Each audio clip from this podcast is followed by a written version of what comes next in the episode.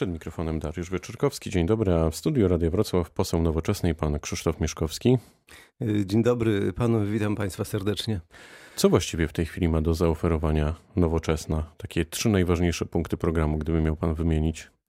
No, nowoczesna ma do zaproponowania swój program e, przede wszystkim i on jest najistotniejszy i ta perspektywa społeczno-liberalna jest niezwykle ważna i o niej warto pamiętać. E, to, to po pierwsze. Po drugie, nie ma żadnej formacji politycznej, która w Polsce zajmowałaby się i broniłaby e, pracodawców, ale tutaj trzeba oczywiście szerzej myśleć. I nowoczesna wprowadza e, coś, co jest absolutnym nowym, czyli, czyli próbę połączenia interesów pracowników i pracodawców. E, to, to znaczy? To znaczy, żeby jedni nie działali kosztem drugich, a drudzy nie mieli pretensji do pierwszych. I e, rzecz polega na tym, żeby te relacje po prostu już e, w XXI wieku e, jakoś ułożyć i myślę, że dzisiaj mamy bardziej do czynienia z rynkiem pracowników niż rynkiem pracodawców. W związku z tym trzeba nad tym się bardzo zasadniczo i w sposób taki istotny zastanowić. Oczywiście my jesteśmy świadomi tego, że mamy w Konstytucji zapisany artykuł 20, który mówi o ustroju gospodarczym Polski i w tym artykule 20 jest mowa o tym, że e, gospodarka wolnorynkowa w Polsce, która jest zadekretowana, powinna być społeczna i oparta na dialogu i solidarności. I dzisiaj nowocześnie myśląca formacja polityczna powinna w tym duchu e, myśleć, kreować rzeczywistość polityczną, ale przede wszystkim tę rzeczywistość, e, która bezpośrednio dotyka ludzi pracujących, zarabiających. Naszym głównym głównym y, światem, naszą przestrzenią, tą podstawową, zasadniczą jest praca. Bardzo jest to istotne, ponieważ y, praca staje się coraz bardziej trudnym, że tak powiem, zjawiskiem społeczno-politycznym. Wokół tego duże emocje powstają. W związku z tym trzeba te wszystkie sprawy uregulować. I to jest w centrum naszych, naszych zainteresowań. A co byście chcieli dokładnie I, regulować? No, chcemy uregulować na przykład sprawy związane z emeryturami tak jak to jest zapisane i to mamy ułożone od kilkudziesięciu lat już w Polsce, żeby nie naruszać tego, tego fundamentu emerytalnego. To jest jednak coś bardzo istotnego, żeby e, być przywiązanym do tej e, trzydziestokrotności e, zobowiązań, które ma każdy obywatel jeżeli przekracza pewien pułap. No, w związku z tym te elementy takie cywilizacyjne właśnie, jak emerytury, jak jak e, pensja minimalna. My bardzo przecież e, optujemy, chcielibyśmy, żeby wprowadzić kwotę wolną od podatku, której nie ma. Ona by rozwiązała wiele rzeczy. No nie mówiąc o tym, że z mojego punktu widzenia, ale także w tym nowym rozdaniu politycznym w nowoczesnej, bardzo istotnym elementem będzie jednak kultura. E, gospodarka jest częścią kultury, nieodwrotnie wielokrotnie mówiłem w tym studiu, w różnych innych miejscach i warto wziąć pod uwagę to, że chcąc mieć e, demokrację rozwijającą się, demokrację, w której będą współuczestniczyli wszyscy ci, którzy są nią zainteresowani. Ona nie może obyć się bez wartości, które e, proponuje szeroko rozumiana kultura i artyści. E, no, z tym się wiąże oczywiście kilka rzeczy, bo e, dochodzą przecież szkoły wyższe, szkolnictwo wyższe, które przecież jest bardzo poważnym elementem kreowania naszej rzeczywistości duchowej, naukowej, w, konsekwencji gospodarczej. A wiemy, że reforma Jarosława Gowina jest bardzo dramatyczna i, i ona tak naprawdę biurokratyzuje e, uczelnie w Polsce i to jest e, no, poważny zamach tak naprawdę na wolność e, i naukową z jednej strony zapisaną w Konstytucji i ta cała sfera biurokratyczna po prostu ukatrupi to wszystko, co przez lata było wypracowywane. Ale jakoś nie słychać sprzeciwów wśród środowiska akademickiego w tej no sprawie. Właśnie, Wydaje mi się, że jeszcze za wcześnie jest też e, na to, by tak. oceniać myślę, efekty tej myślę, reformy. Myślę, że to jest bardzo już e, zaawansowana e, refleksja nad, nad reformą wicepremiera Gowina.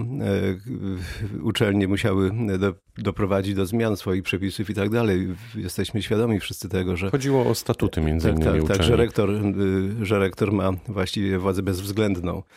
No mnie się jednak podoba e, to, jak e, instytucje takie jak, jak między innymi e, szkoły wyższe są urządzone w sposób demokratyczny. rady wydziałów będą likwidowane, czy są już likwidowane. No więc jest tych rzeczy ogromnie dużo, a narzucona biurokracja bardzo ogranicza, jakby to powiedzieć, komfort pracy pracownikom naukowym. A w jaki sposób Nowoczesna chce spłacić swoje zobowiązania finansowe w tej kadencji? E, proszę pana, e, te zobowiązania finansowe są rezultatem technicznego błędu, e, czy błędu formalnego Pichowicza, naszego byłego skarbnika za czasów, kiedy nowoczesną rządził Ryszard Petru, ale jesteśmy na dobrej drodze i myślę, że negocjacje z Polsatem, także z bankiem PKO no, są na dobrej drodze i mam nadzieję, że one się zakończą sukcesem obu stron. A jaki jest status w tej chwili nowoczesnej w Sejmie? Wy macie jakąś umowę koalicyjną z Platformą Platformą Obywatelską? Tak, podpisywaliśmy oczywiście taką, taką deklarację, taką umowę o współpracy. No ja mam z tym oczywiście ogromny problem, prawdę mówiąc, dlatego że że e, e, ja się nie zgadzałem, o czym wielokrotnie również, o czym wielokrotnie mówiłem, nie zgadzałem się na, na wejście do klubu e, Koalicji Obywatelskiej, wtedy kiedy Nowoczesna była jeszcze klubem w poprzedniej kadencji. Uważam to, że to był błąd. Wtedy utraciliśmy te ostatnie ostatnie e, przejawy podmiotowości politycznej, która w Sejmie jest niezwykle ważna. Odebrano nam głos, e, zostaliśmy wmontowani w duży organizm polityczny. E, to był sprytny ruch Grzegorza Schetyny? To była raczej słabość, e, słabość Katarzyny Lubnauer i e, pewnie też Adama Szłapki, którzy negocjowali e, wejście nowoczesnej do, do koalicji. Argumentem koronnym było to, że mamy szansę wystartować w wyborach parlamentarnych. Teraz Adam, teraz Adam Szłapka jest pana szefem i tak, szefem nowoczesnej. Tak, Adam, Adam Szłapka został szefem w wyniku konwencji. Będzie lepszym szefem od Katarzyny Lubnauer? No, mam nadzieję, powinien być lepszym. Uważam, że Katarzyna Lubnauer po prostu jest jest znakomitym materiałem e, na ekspertkę, a z pewnością e, była słabą e, przywódczynią nowoczesnej. Bogdan Zdrojewski byłby dobrym szefem Platformy Obywatelskiej. Widziałby pan tutaj wtedy szansę na współpracę? Wie pan co, nie chcę doradzać kolegom i koleżankom z Platformy, ale Bogdan Zdrojewski ma swoją klasę polityczną i warto się zastanowić nad jego for, nad formą jego obecności w polityce i w Platformie. Czytam, że deklaruje start w wyborach na szefa Platformy i życzę mu wszystkiego najlepszego. Nowoczesna wystawi swojego kandydata na prezydenta? No, uważam, że jest to warunek podstawowy dzisiaj. Rada Krajowa o tym zadecyduje, ale dzisiaj jesteśmy świadomi tego, że to, co się wydarzyło w ramach Koalicji Obywatelskiej, kiedy właściwie wystartował konkurs piękności na kandydatki i kandydatów na prezydenta i prezydentkę, E, Platforma nie zaproponowała Koalicji Obywatelskiej współuczestnictwa w, w prawyborach, które urządziła wyłącznie dla siebie. Uważam to za duży błąd.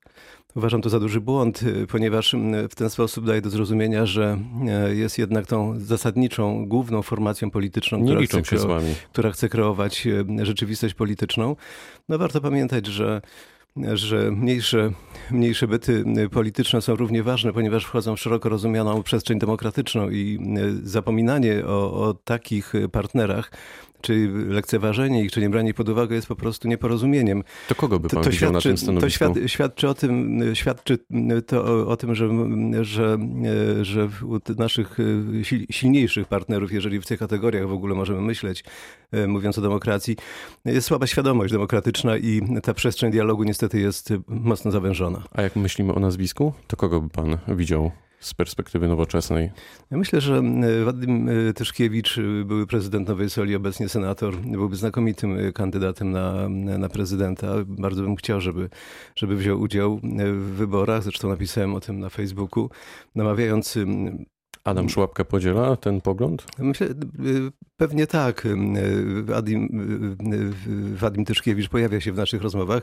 Jeżeli nie Wadim, myślę, że Adam byłby też bardzo takim atrakcyjnym kandydatem. Jako dla... szef partii, tak? Żeby tak, wziął tak, odpowiedzialność? Oczywiście, oczywiście. To jest bardzo istotne, żebyśmy budowali podmiotowość nowoczesnej, dlatego że nasze wartości jako formacji politycznej, która zasiada w polskim parlamencie, przecież mamy około 200 radnych y, w całej Polsce, mamy y, swoich wiceprezydentów. Nowoczesna przyczyniła się w dużej części do y, elekcji prezydenta Sutryka we Wrocławiu. Pokazaliśmy Platformie Obywatelskiej Grzegorzowi Schetynie, w jaki sposób można kreować tę politykę, która tak naprawdę ma swój rodowód demokratyczny. Czy jeśli zostanie ogłoszony konkurs na dyrektora Teatru Polskiego, to weźmie pan w nim udział? Nie, nie wezmę w nim udziału jeżeli minister Gliński i pan marszałek Przybylski chcieliby, żebym został dyrektorem Teatru Polskiego, mogą mi to zawsze zaproponować. Można, była taka propozycja? I można, I można to rozważyć. Była taka nie, propozycja? Nie, było takiej propozycji, natomiast Teatr Polski we Wrocławiu jest jedną z wielu instytucji, która została zdegradowana przez Prawo i Sprawiedliwość, ale także niestety przez naszych samorządowców. To, co się wydarzyło z Teatrem Polskim, z jego materią, ludźmi, e, instytucją jako miejscem e, ważnych, istotnych e, przedstawień teatralnych, ważnego dialogu artystycznego no to jest po prostu niedopuszczalne. To jest, to jest, to jest coś, za co powinni odpowiedzieć i minister Gliński i marszałek Przybylski. Ale słyszymy no, od wielu tygodni, proszę, przepraszam, proszę. bo słyszymy od wielu tygodni, że wyłonienie szefa Teatru Polskiego to jest domena zarządu województwa, w tym wypadku pana Michała Bobowca, czyli bezpartyjnych no samorządowców. Bardzo proszę powołać, jak, jak rozwiązać bardzo ten proszę powołać konflikt? Marcina Hamkało na dyrektora Teatru Polskiego. Ale on jest, nie chce. No to niech zechce. Niech się zastanowi. Ale nie chce. Znaczy, nie wiem, czy Marcin Hamkało nie chce. Myślę, że... Wydał oświadczenie na Facebooku tak, kilka dni temu. czytałem to oświadczenie. Mam nadzieję, że to oświadczenie jest taką formą pokazania swojego stanowiska, że na siłę niczego nie zrobię. Proszę ze mną rozmawiać odpowiedzialnie i poważnie. Proszę mi dać szansę na dialog w taki sposób, żebyśmy mogli wykreować e, nową e, dyrekcję Teatru Polskiego po to, żeby Teatr Polski na nowo wrócił do e, tej ekstraklasy teatralnej, a dzisiaj jest w piątej lidze po prostu. Ja inaczej zapytam, jak pana zdaniem wpłynąć na zarząd województwa, żeby w końcu został ogłoszony konkurs, albo żeby po prostu było nowe kierownictwo Teatru Polskiego w najbliższym wie, wie czasie? Pan co, konkurs, konkurs, kiedy został zapisywany w ustawie o prowadzeniu i organizowaniu działalności kulturalnej przez Jacka Wekslera i Bogdana Zdrojewskiego, był formą ostateczną w powoływaniu dyrektorów. Tam y, autorzy tego zapisu kierowali się tym, że jeżeli nie można wyłonić dyrektora, to w ostateczności trzeba konkurs ogłosić. Konkurs nie był podstawową formą e, kreowania szefów instytucji kultury w Polsce. No więc... Jak rozwiązać to zagadnienie? No Jednym więc, zdaniem, pana zdaniem. Ja, ja, panu powiem, jak to zrobić. To jest bardzo proste. Pan marszałek Przybylski, który w sposób tak radykalny i tak prosty rozwalił Teatr Polski, powinien porozumieć się z panem ministrem, powołać powołać Marcina Hamkało bez bez konkursu. Ale jeśli on nie I Marcin, chce? jeżeli, jeżeli będzie z nim poważna rozmowa, myślę, że to doprowadzi do e, sensownego rezultatu i wówczas będzie można wyłonić odpowiedzialnego dyrektora artystycznego. Takiego, który będzie e, mógł sprostać wymaganiom e, historii naszego teatru i tych, tym wszystkim sukcesom, które odnosiliśmy wtedy, kiedy wspólnie pracowaliśmy z zespołem aktorskim Teatru Polskiego. No, wie pan, nie mogę przeżyć tego, że 14-godzinne dziady, absolutne arcydzieło zostało wsadzone do kąta i dekoracje gdzieś niszczeją. A pan się czuje współodpowiedzialny za trudną nie. sytuację finansową nie. teatru? Nie. Nie, absolutnie nie. Odpowiedzialność ponoszą organizatorzy, którzy nie dofinansowywali teatr na poziomie 3 milionów złotych na koszty utrzymania. Proszę mi pokazać takiego menedżera, który by doprowadził do sukcesów teatru z takim deficytem na, na dzień dobry. Powiedział pan Krzysztof Mieszkowski, poseł nowoczesnej, który był gościem rozmowy Dnia Radia Wrocław. Bardzo dziękuję za spotkanie. Dziękuję bardzo. Pytał Dariusz Wieczorkowski. Dobrego dnia.